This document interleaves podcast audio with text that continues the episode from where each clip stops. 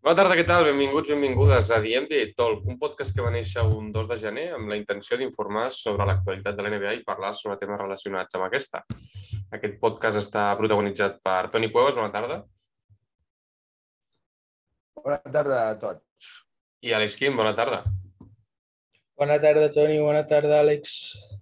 Bueno, final de temporada, ser finí. Se'ns ha acabat eh, lo bueno, el Golden State Warriors campions Tenim molt que parlar. Vam deixar-ho el diumenge passat abans del, game, del, game, del cinquè partit, el qual ja vaig fer un spoiler, va ser el partit d'Andrew Wiggins, que parlarem d'ell, i ho van dinamitar els Warriors eh, dijous, guanyant a, a Boston, a casa de Boston, eh, 4-2, 103 a 90. Eh, bueno, exhibició de Curry, 34 punts, MVP de les finals. Tenim molt a parlar. Bona eliminatòria, merescuts guanyadors els Golden State Warriors anem desgranant, si voleu, poquet a poquet els jugadors. No sé, comencem parlant pel propi Andrew Wiggins, si voleu, que, que l'hem elevat molt durant aquesta temporada.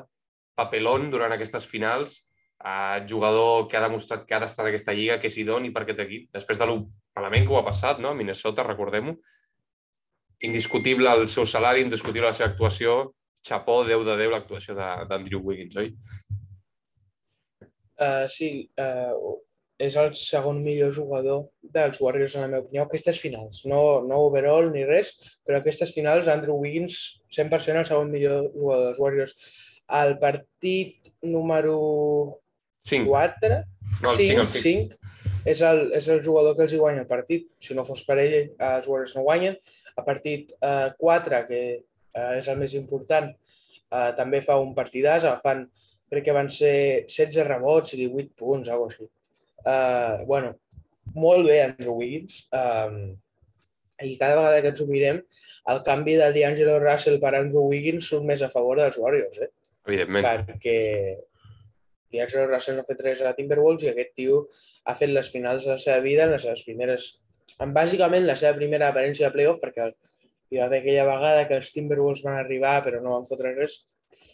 Doncs sí, molt, molt bé.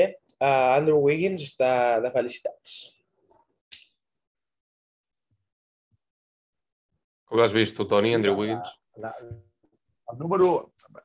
Quan, quan irromp a la Lliga com a número de draft, com a, com a un número de draft, tothom espera algú molt...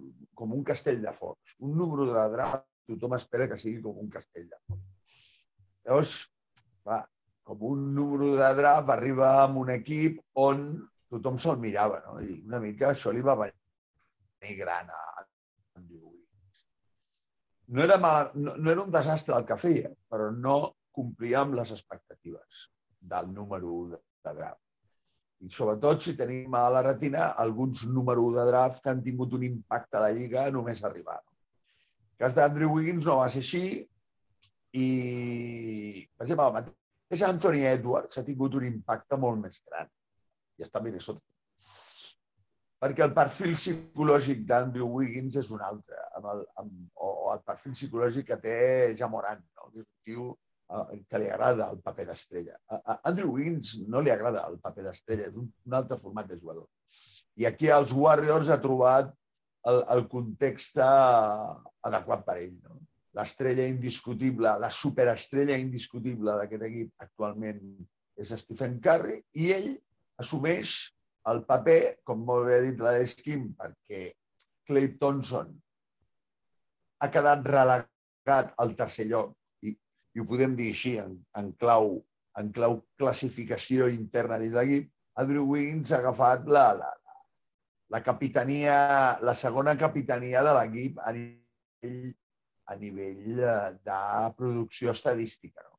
I bé, mm, jo comentava, he comentat a vosaltres, a, fora de micròfon, que el millor Andrew Wiggins encara està per venir. Hem de veure una versió millor encara d'Andrew Wiggins. Bueno, I ho ha dit, eh? Jo he estat llegint declaracions aquesta setmana arrel de l'anell. Tant Andrew Wiggins, Stephen Curry i Clay Thompson, tots han dit que de cara a l'any que ve busquen ser millors, si és possible, no?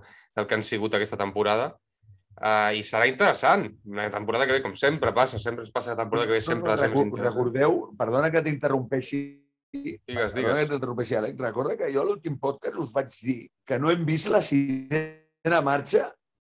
És una frase que vaig pronunciar a l'últim podcast. Els Warriors tenen una sisena marxa.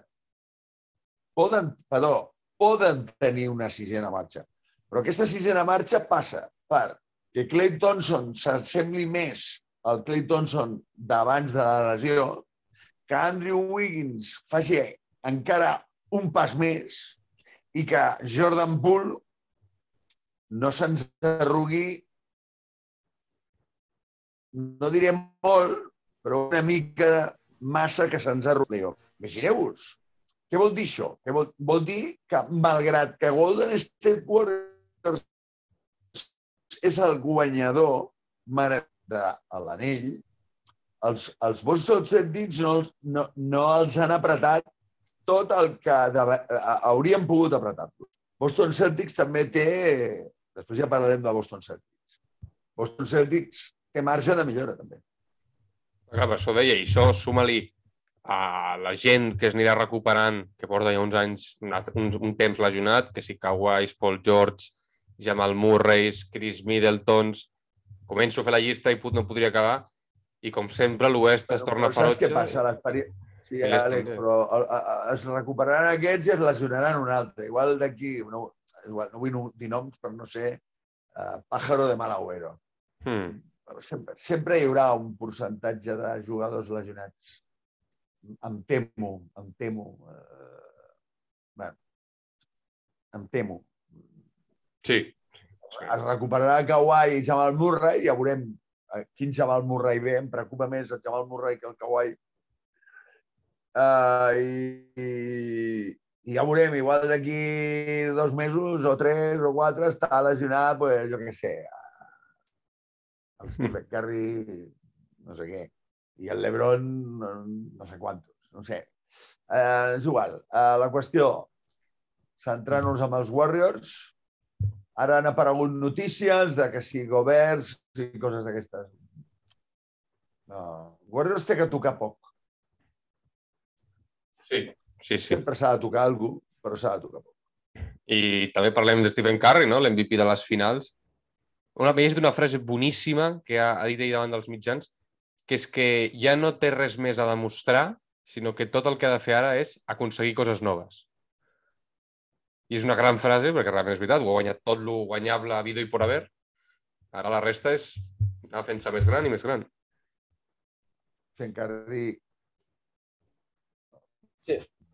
ja estava a, a, a, ja estava a dalt de, de, de l'Olimp dels déus, però el quart partit és un quart partit. Jo, jo vull insistir, vull remarcar molt el quart partit. El quart partit és, és el partit. Jo tinc clar que el quart partit és el partit. 2 a 1 a favor de Boston. Pista Boston Garden. Uh -huh. Stephen Curry fa 43 punts. Allà Stephen Curry... Van Va de la missatge. sèrie. Allà Stephen S'acaba Curry. allà. Llavors, descans, bueno, descansa. El cinquè partit no cal que noti perquè l'equip li, li fa la feina, per dir-ho d'una feina, per dir-ho d'una forma. Andrew Wiggins puja un esgrau, fa 26 punts, Curry no té que anotar, llavors Stephen Curry torna a destrossar a la final, a, l'últim partit, no? el, el sisè partit. Sí, sí. Que eh, Stephen Curry és el millor jugador de la història que no medeix més d'un 91. Amb diferència, a més.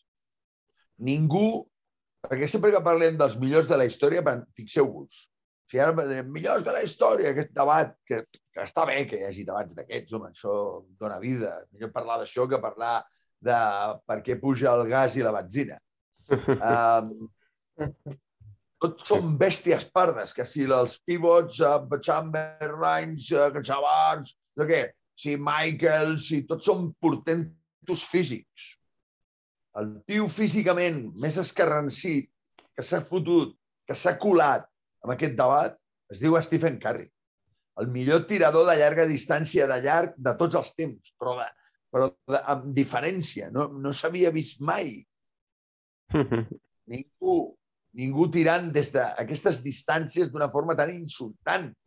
Evidentment, és l'única manera que té de sobreviure a, a, a unes grans defenses, grans defenses. Ho va dir Udoka, Stephen Curry és imparable. Ho va dir d'una altra manera, va dir, Stephen Curry tiene acciones imparables. Estic totalment d'acord amb Udoka. És, és, Sí. forma part d'aquest d'aquest elenc de jugadors elegits. I No? Què opineu? Digueu alguna cosa, l'Esquim, no opines el mateix? Sí, sí. que mulla't, va una mica. Què? Mulla't, mulla't, què n'opines de Carri? Com l'has vist? Com el consideres? És un, és un, és un màster. No, no, no penso que hi, ha, hi hagi més a dir. Uh, estic completament d'acord amb això que has dit tu, uh, Toni, que el cinquè partit, que ja estaven 2 a 2 i que ha vist que Wiggins estava donant el pas endavant, va, diguem, descansar una mica i després a tope un altre cop, però el, el, el quart partit, que és el més important, perquè és o 2 a 2 o 3 a 1, que són dos extrems, eh, el tio fot un partidàs i allà s'acaba la sèrie. Uh, jo penso que Curry, amb aquest anell, arriba al millor, de la, eh, al millor base de la història. Potser no, està molt empatat amb Màgic, però als top 10 de la història arriba 100% a Stephen Curry perquè quatre anells són molts. I, I a més a més, que tu diries, no, només amb el Kevin Durant, no, perquè Curry va agafar un abans de Kevin Durant, dos amb Kevin Durant i un després de Kevin Durant, Sí, sí. uh, que és el d'ara, no? Doncs, bueno, penso que Curry és un... És, és, òbviament, sempre es diu ha revolucionat el bàsquet, l'ha canviat amb els triples i tal, i és un que entra per la història de la NBA, Stephen Curry.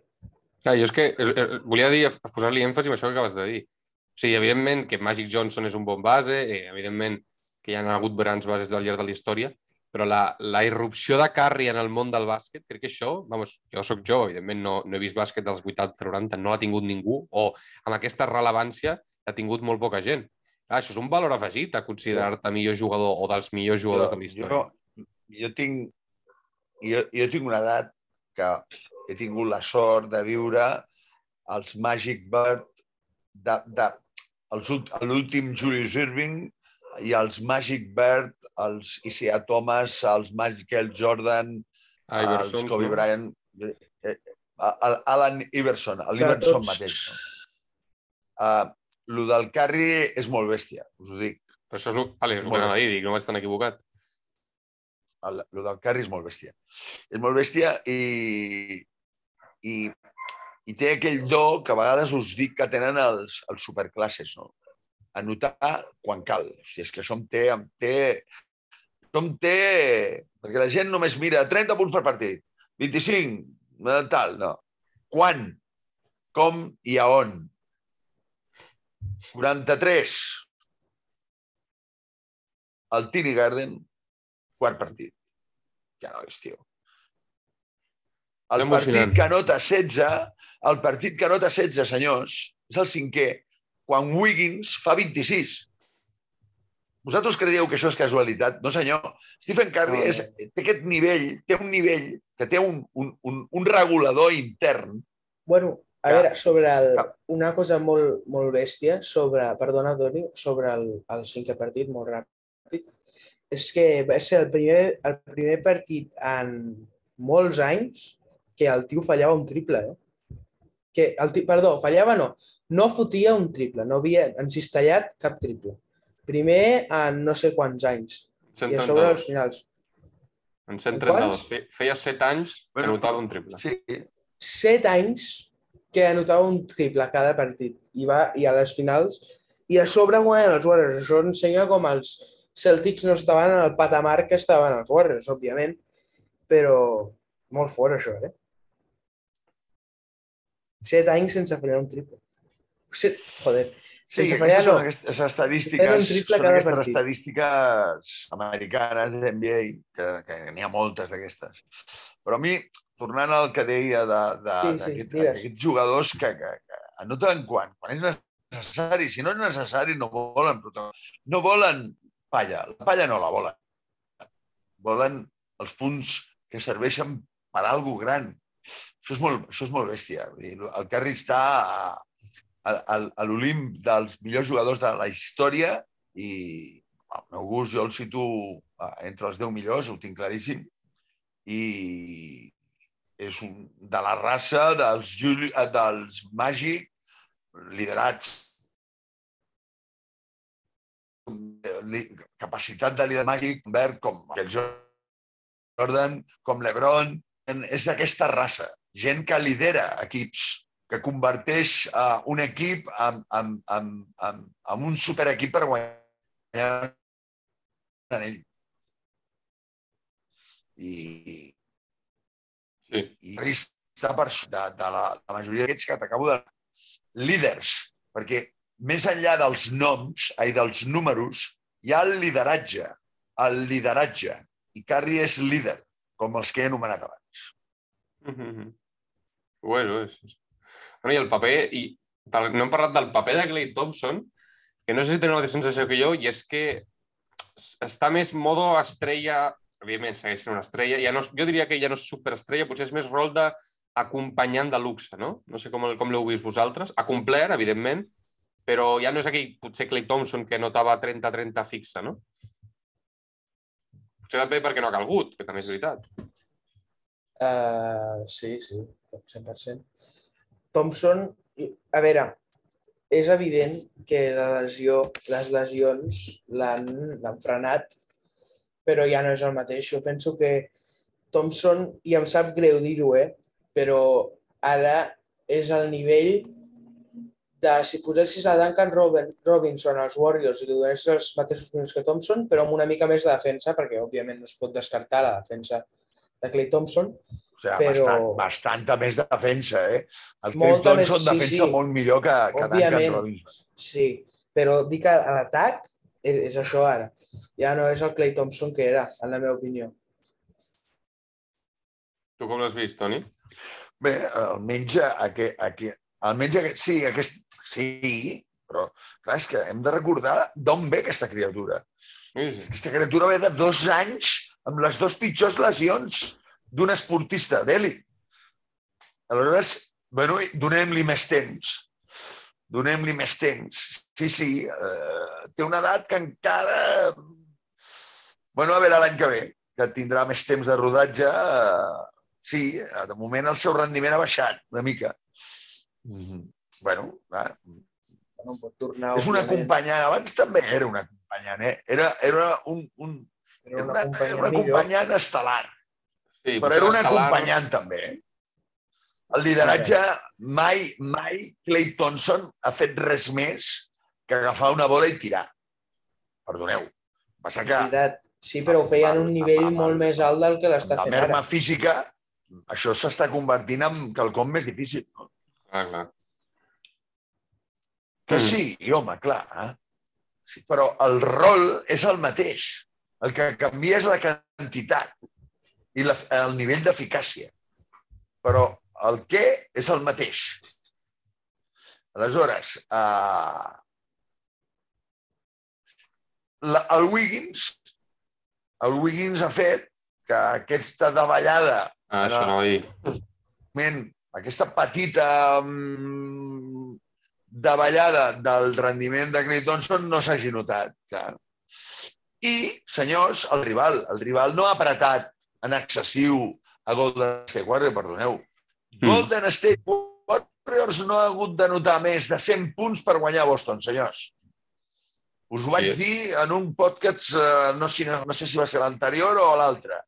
Uh, està en mans de Boston. Una frase que vaig dir. Boston, quin Boston? El del 90 o el dels 120 punts? Quan Boston anava a 120 punts, guanyava Boston. Perquè Warriors anava a, a, fins la cinquena marxa i feia 100 punts. Però clar, si Boston anava a la quarta marxa i feia 90, doncs no feia falta més. Ho has dit tu eh, en, una, en una frase, Àlex. Has dit, no ha fet falta més de Clay Thompson. No, perquè. Boston no ho ha demanat no ho ha exigit. No feia falta més. Hem tingut un Clay Thompson, no diré mediocre, però correcte i, i, i punt. Hem tingut un Jordan Poole correcte i punt. Hem tingut un Wiggins bo i un eh, Clay, eh, Stephen Curry estat. Amb això n'hi ha hagut prou. Vale. Amb això n'hi ha hagut prou. Vale. Boston no ha exigit més a Golden State Warriors. La sisena marxa no ha sigut necessària. Sí. És el que hi ha. I... I per part de Boston, ara que has tret el tema Boston. Ah, eh, Joventut, eh, primeres vegades unes finals. bueno, bo- No havia ningú gent que hagi participat a playoff fins a rondes avançades. Eh, bueno, que també és normal, no? La, la gent es preocupa, ostres, Boston, quina llàstima, he perdut l'anell, home. Estàs jugant contra uns tios que han guanyat, han jugat tres guerres mundials, no? Com aquí qui diu. Vull dir que temporada més que correcta, més que decent, i Tatum, bueno, respecte cap a Tatum, eh? però molt, molt bona temporada. Molt, bona molt. temporada. Fixeu-vos que a partir del quart partit, en el cinquè al sisè, Boston ja fa una davallada. El quart Sí. partit els fot molt. Sí, sí, és el, és el quart, perquè Del crec que a partir del Del 1 quart al 2 a 2 els fot no molt. cap. No guanyen cap després del quart. Clar, clar. Aquí està la cosa. Sí, sí. Tres partits seguits dels Warriors i... Uh, el quart partit, per això li dono tanta importància al partit. Boston, Boston molt bé, però encara no... El resum el podríem dir amb encara no està preparat per guanyar l'anell, com vam dir l'any passat de Fènix, Mm. amb Sí. diferències, però Fènix no estava preparat per guanyar l'anell. Fènix es va trobar amb una final, no vull dir que ningú regali res, però hi ha vegades que els camins es, es, es tornen més assequibles del que en principi estaven. I a Sí. Fènix li va passar l'any passat i aquest any li ha passat a Boston. Les lesions... Boston no era l'equip de l'est cri- No. cridat, cridat era- a arribar a la final. Suposo que estareu d'acord amb això. Sí. No, no, si no es lesiona Chris Middleton, els, els Celtics no estan a la final. Però... Clar, l'any passat, Milwaukee Digues, digues. també va tenir un camí més planer perquè a l'est van passar les coses que van passar. Ah, Aquest any Milwaukee li ha tocat rebre a, a, a, el càstig de, les, de la lesió de Middleton. Que la lesió de Middleton és important. molt important. Aleshores, Brooklyn, que, que és un, un festival de... De És el caso. Uh, Brooklyn és el caso. I Filadèlfia, bueno, mereix un capítol a part el tema Harden. Um, llavors, clar, Boston ha millorat el seu rendiment des del mes de gener Mhm. i s'ha trobat, a base de fer bé les coses, s'ha trobat currant-se, evidentment, eh, currant-se eh, el seu rendiment, però sí que trobant facilitats en el baix rendiment d'altres, perquè que ningú vingui a, a, a vendre la pel·lícula que Boston ha de guanyar 4-0 a, a Brooklyn i que aquí no ha passat res. No, a l'altra banda han passat coses. Ah, clar. Visca Boston, però allà han passat coses. Un 4-0 4-0 i un Kevin Durant rendint de la manera que va rendir. Mhm. Va ser molt raro. I també... No, eh, eh, també... és més de mèrit és més de mèrit de Brooklyn Que mèrit de Boston. mèrit de Però- Boston. Em, però em també sap de molt dir- greu, però és va, així. ser, va ser el 4-0 més difícil de la història de l'NBA, eh? perquè primer Bueno, partit eh, va però ser l'últim segon i de el segon Durant- partit els Nets El també Kevin- anaven guanyant d'un munt fins que al final la caguen, però bueno, Sí, va el- ser, un, el va ser una sèrie el molt estranya. Molt estranya. Sí, com estrany és la trajectòria de Brooklyn Nets, que no, no és, Clar, és per tornar-se boig, jugar a A Brooklyn. mi després James Però, Harden, però, ganes el... tornant- Bueno, Tornant a Claro. Boston, sí, sí. tornant, tornant a Boston, Boston no està pre- preparat per guanyar l'anell. Ha arribat a la final, però no està preparat per guanyar l'anell, com no estava Fènix. L'any passat, us en recordeu que Fènix va guanyar 2 a 0? Anava guanyant 2 a 0 i els quatre següents partits els va guanyar Milwaukee? Sí, i tant. Un cop Milwaukee es va treure de sobre la tensió de la final, va arrasar amb Fènix. Va guanyar quatre partits seguits. Mhm. Fènix no estava per guanyar l'anell, com no estava aquest any Boston per guanyar. Perquè Jason Tatum encara té que menjar alguns plats de sopa. Perquè jo no veig a Jalen Brown, jo no veig a Jalen Brown mai liderant un, un, un, un equip. Jalen Brown és un, un Wiggins, amb un altre estil, però és un Wiggins. Sí. Más menos. Uh, Jalen Brown no pot ser el, la superestrella sobre la qual descansa té una manera de jugar massa esbojarrada. Tàcticament és un jugador molt boig. Vale? Mm. Així és. En canvi, eh, Tatum, Tatum sí que el podem visualitzar, i dic podem perquè tampoc està clar, senyors. La última assignatura de Tatum és la més difícil, alerta, Mm -hmm. Que és doctorar-te amb una superestrella del nivell dels que hem anomenat abans i que Déu nostre senyor els tingui en l'altar. Eh? Al nivell dels Michaels, Lebrons, uh, Birds, Magics, Stephen Curry, aquesta gent està a un nivell que Jason Tatum no, no, no sabem si arribarà aquí. Eh? És el que pot fer-ho. Sí. Sí, sí, però tot s'ha de dir, hem de donar molt de mèrit a Tatum i Brown i als Celtics i Udoka i tots, perquè a la meitat de la temporada estaven fora del play-in eh? i han arribat a la final. és, Sí, un, home. és, un, és molt, molt bo Però- el que costa, això és dic, el que han fet té mèrit, però el que costa més és mantenir. Fixa't, Fènix. Fènix l'any passat podríem dir les mateixes frases que estem dient aquest any de Boston. Té molta mèrit i tant. Aquest any ja han punxat. Ai, ja han punxat. Sí. Aquest Bueno, perquè no any ja, tenien les... la les- temporada de Fènix Sí. Ah, bueno, ja, ja han punxat. Bueno, ja veurem quina és la dinàmica de Fènix els propers anys. Tenen un base que té 40 anys quasi ja, eh? Mm. Alerta, hi ha feina, eh? I un Per pivot... mantenir el, el tema. Hi ha Un pivot feina, un pivot que no vol renovar. Hi ha feina. Vull dir, Boston, a veure l'any que ve què passa. Sí, O sí. sigui, la dinastia, la dinastia dels Warriors té molt de mèrit perquè són molts anys en la cresta de la ola. Sense Durant, amb Durant, amb moltes lesions, tornen a estar aquí, perdent finals. La de Cleveland, la de Toronto perquè estaven tots lesionats. Mm -hmm. Té I mèrit. tornant, i tornant. Són dels millors equips, dinasties de, de la història de la NBA de l'era moderna, junt amb la de San Antonio. Més o menys. Aquesta, els, els Chicago Bulls, evidentment, els, els Chicago Bulls del Jordan, eh, són de l'era moderna, eh? a l'època dels Boston Celtics de Red Auerbach, ja en, en, en blanc i negre. Sí. Vale? El, el, les dinasties del Pat Riley amb els, amb els, els, els Angeles Lakers, del Magic i el Jabbar. Són dinasties, tio... Molt sèries. Eh? Aquesta dinastia dels Warriors és perquè la Està posem bé. a dalt de tot, a dalt de tot, sí. a dalt de tot, de tot, de tot. I no ens oblidem, si plau, de Steve Kerr. Oh, Visca la mare que el va parir. que perdona, Cinc però... Anells com a jugador i quatre anells com a Exacte, entrenador. són, Eh? són nou anells. Però em quedo, em quedo amb la persona, amb el tipus de personatge de Steve Kerr, un tio humil, humil però de veritat, no amb aquesta falsa humilitat que abunda avui en dia.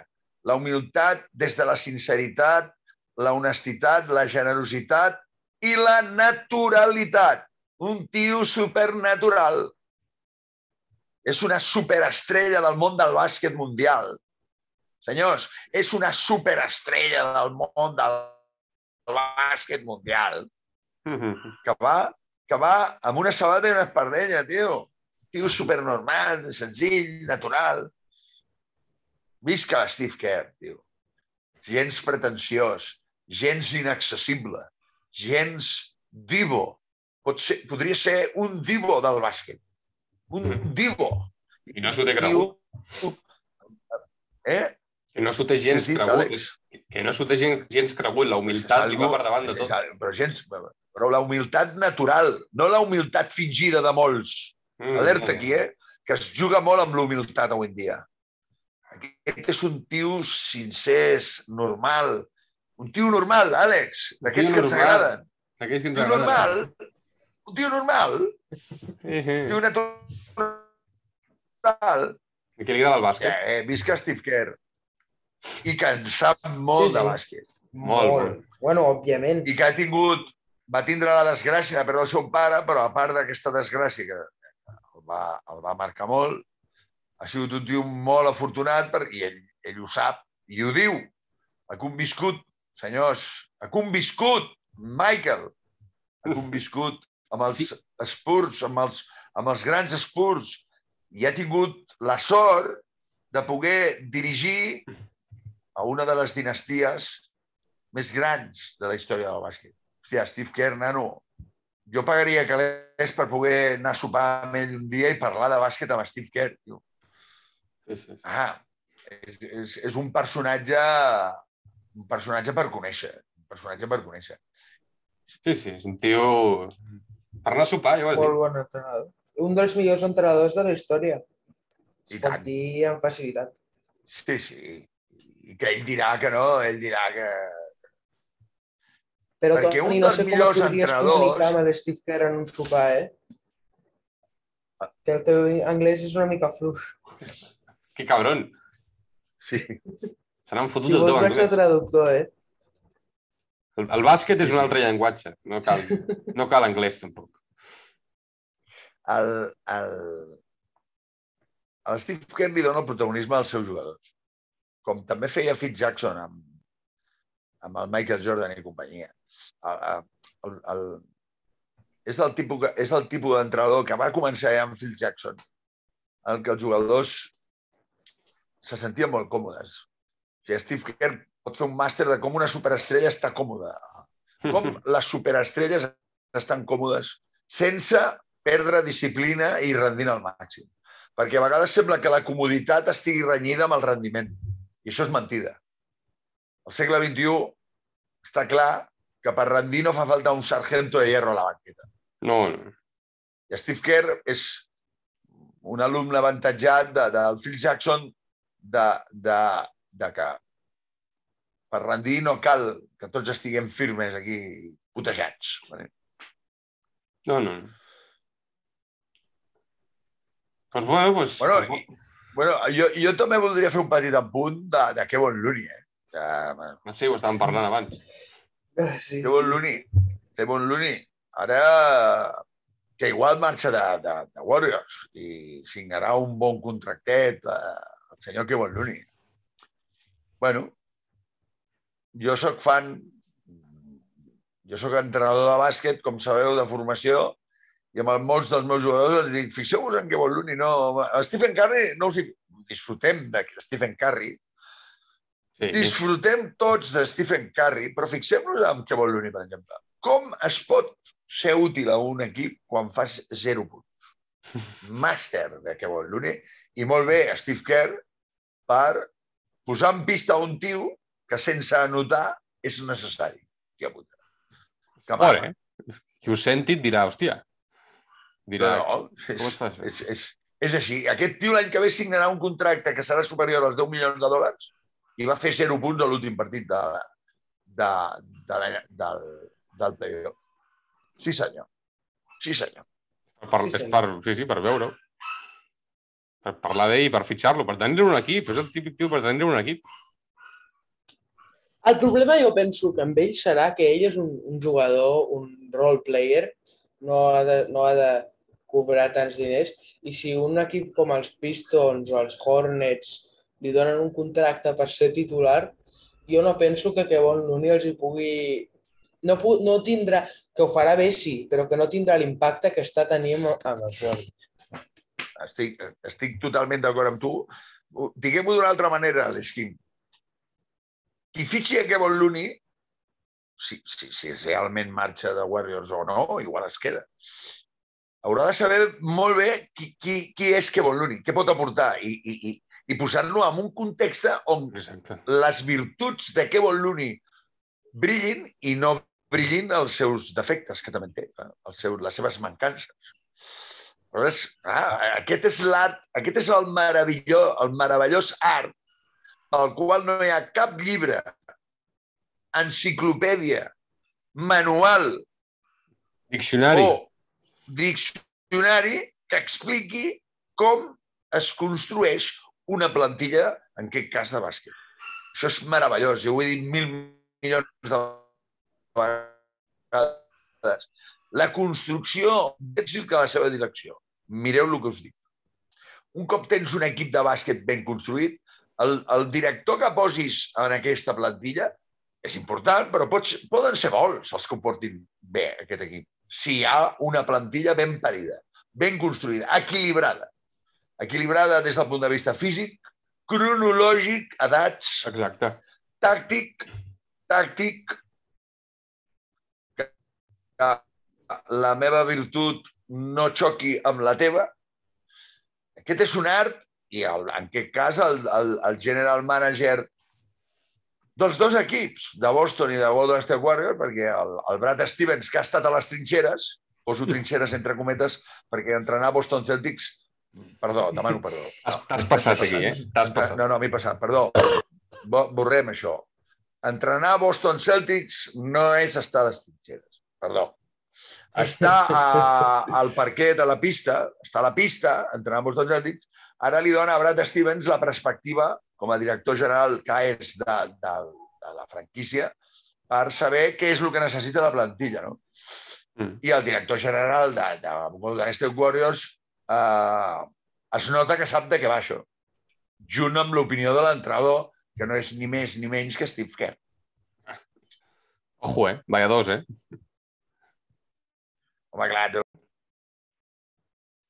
Bueno, parlàvem de general manager de, de Warriors i Steve Kerr, bueno, el duo dinàmico, un dels molts de la lliga. sí, No? i, i, i, també, i, i, i també no ens hem de deixar, si plau senyors, amics meus, a, a Damon Green. Que vam criticar. A, a, a ese, ese extraño elemento, no? anomenat Damon. Green, que, que jo l'he criticat, eh? L'he criticat. L'he criticat, però que els dos últims partits... Molt bé, eh? Quasi l'últim. Especialment a l'últim. Especialment a l'últim. l'últ- especialment a l'últim, molt bé. Uh, Costa. Co- costa anar prescindint progressivament de certs jugadors. Per mi, Damon Green i Al Horford, i ho vaig dir a l'últim podcast, i ho torno a repetir, han estat massa utilitzats, per mi. Per la meva opinió com a entrenador. Vale?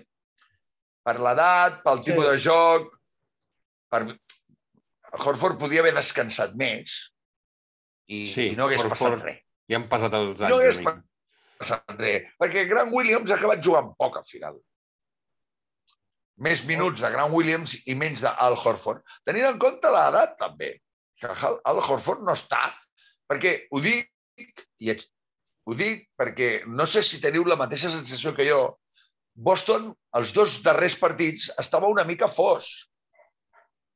Sí, les sensacions anímiques eren baixes. Ho veieu? Ho veieu així? Sí. Una Sí. mica fos, Sí. sobretot vaig veure Sí, fos sí. a Tatum. Tatum, Tatum, sobretot. el vaig veure arribant molt fos. just. Molt I. Horford de 36 tangos, tios. Vull dir, ja, Si Celtics no, no hagués guanyat, l'MVP de les finals era Jalen Brown, no Jason Tatum. És un altre, sí, perquè va punxar certs partits, sobretot el, el sisè va punxar. Què deies, Toni? Perdona. No, no sé, eh, si... Parlar de l'MVP de Boston és, és complicat. Eh, hem perdut. Jo també posaria Marcus Smart. O sigui, mira, t'ho diré d'una altra manera. Si em fas dir qui ha complert més amb la seva funció, et diré Marcus Smart. Aquesta frase que acabes de dir, sí. Marcus Smart ha defensat, ha Per fet què? hòsties i ha tirat triples. Jalen Brown. Jalen Brown. No, i també estic d'acord amb una altra cosa. Jalen Brown ha complert més amb la seva funció que Jason Tatum. També. També. Perquè la funció de Jason Tatum, senyors, i ho he dit abans, és la més difícil. És el màster de l'universo.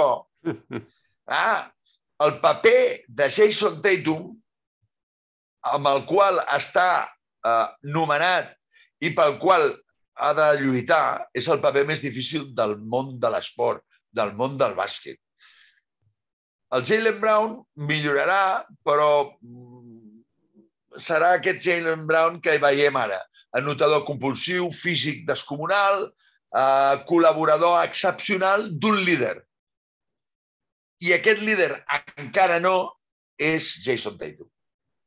És jove, que té 24 anys o 25 anys. Que sí, home, Sí, sí, sí. evidentment, però no està clar que acabi sent de l'estratosfera mediàtica Ah, no, ja, ja. del bàsquet mundial.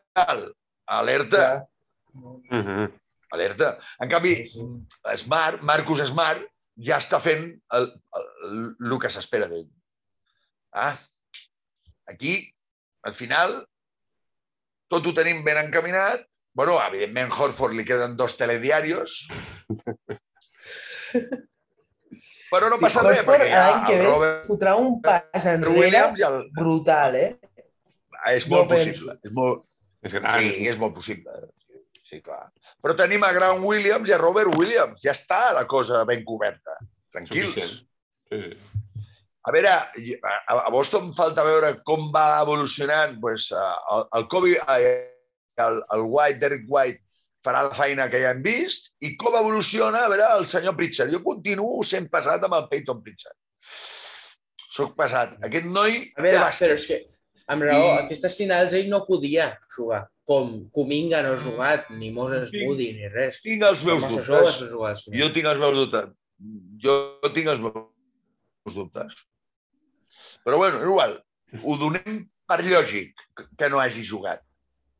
Sí. Però el cas de Pritchard jo el puc assimilar a el que hem viscut aquest any de, de Branson, de Dallas. Vale? És un jugador, el, el Pritchard pot ser un jugador d'aquest format. Vale?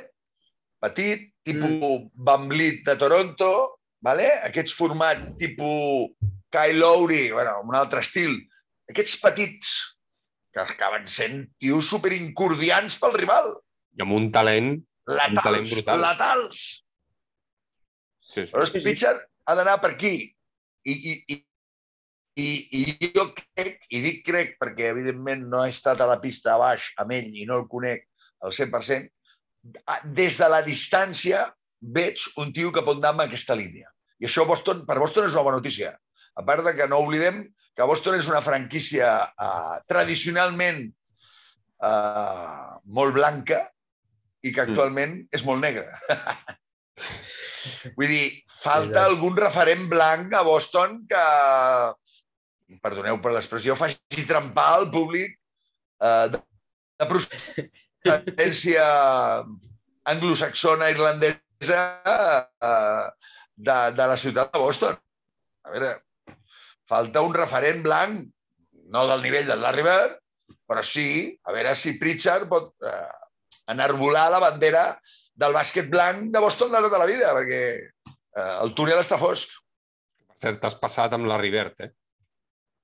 Bueno, eh, ja he A dit, Pritchard arriba a la River, jo no sé què dir. no he dit, he dit que sense Sí. arribar al nivell de Bird, les meves paraules han quedat gravades, Sí, sí, sí. sí. però sí que necessitem que Boston hi hagi una mica més de, de, de color blanc, per favor, És veritat. perquè veritat.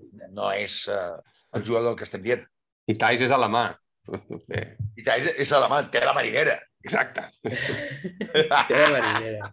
Que ens, estimem, que, és- que ens estimem a tot tipus de jugadors de l'NBA i a Tais també, però... Tice, eh, Tice sempre compleix. Sí, però és aquest tipus... És com Kevon Looney. És com Kevon Looney, en blanc. Sí, evidentment, és un Kevon Looney, bueno, Kevon Looney encara potser més limitat que eh? Sí, perquè Perquè encara tira. encara pot tirar algun triple i fotre algun triple. Però és que el Kevon Looney no fot ni els tirs lliures, quasi. És, que, ah, tu fas la llista. Què fa Kevon Looney? Agafa, agafa el rebot, fot hòsties i la fica cap avall. No fa més, eh? Espera, espera, espera. Però ho fa molt bé. Però fa molt bé. Kevon Looney, exacte. Kevon Looney, primer de tot, i a diferència, i perdoneu que sigui pesat amb la de Bayo, Joder. fa exactament el que pot fer bé. I no intenta en cap moment fer res que no faci molt bé. I això és una gran virtut. Reboteja, excel·lentment. Sempre està en el rebot. Sempre està en el rebot. Defensa el joc interior amb solvència. Defensa el joc de perímetre amb correcció. No se li en van. Intimida correctament. Si entres davant d'ell i et despistes una mica, et cau una xapa. Sí. I, amb atac, no intenta res que no pugui fer. Acostuma a fer punts que li fabriquen altres. I és suficient. I com que a Golden State Warriors és una fàbrica de creació de bàsquet, el que vol l'uni, doncs brilla, sí senyor. Que no té que notar? No nota. No té mai una mala cara, no rondina, no es queixa. Això és un altre, també, sí, aquesta l'he comentat. Eh, I love you, I love you, que vol l'uni. A sopar amb què vol l'uni? Jo, és una altra persona amb qui podríem anar a sopar. Eh? Una, altra que el Toni i l'Àlex i tots volem sopar. Què vol l'uni? Un tio que fa...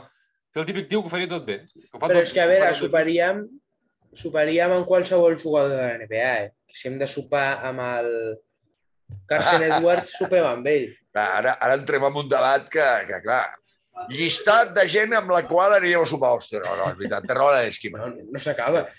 No, no, no acabarem, no acabarem. No. No, això Jo vull anar a sopar, jo vull anar a sopar amb la mare de Stephen Curry. Amb la de l'Ebron James. ara ah, és un comentari. La trobo més atractiva que la dona de Stephen Curry, a la mare de Stephen Curry.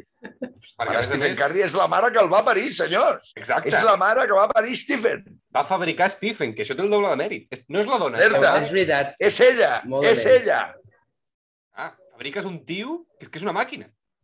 I, I us diré més. A més a més, us diré que Stephen Curry s'assembla més a sa mare i el Seth Curry s'assembla més a Del Curry, el pare. Sí. És un comentari...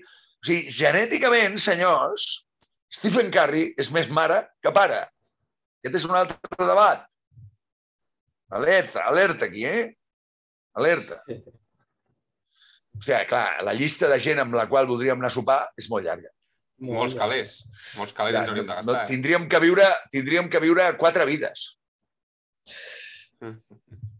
Potser no de la NBA. veies arribem a jugadors de la NBA.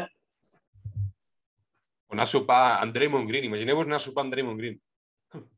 Hòstia.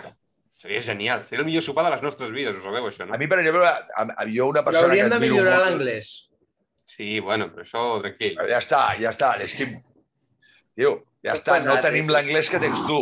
Ja, exacte. Jo, eh, jo et dic una cosa, l'Esquim. El meu anglès és el pitjor de vosaltres dos. De vosaltres tres, per nosaltres tres el pitjor del meu anglès. Però et puc assegurar que tinc un do, i és el do de la comunicació.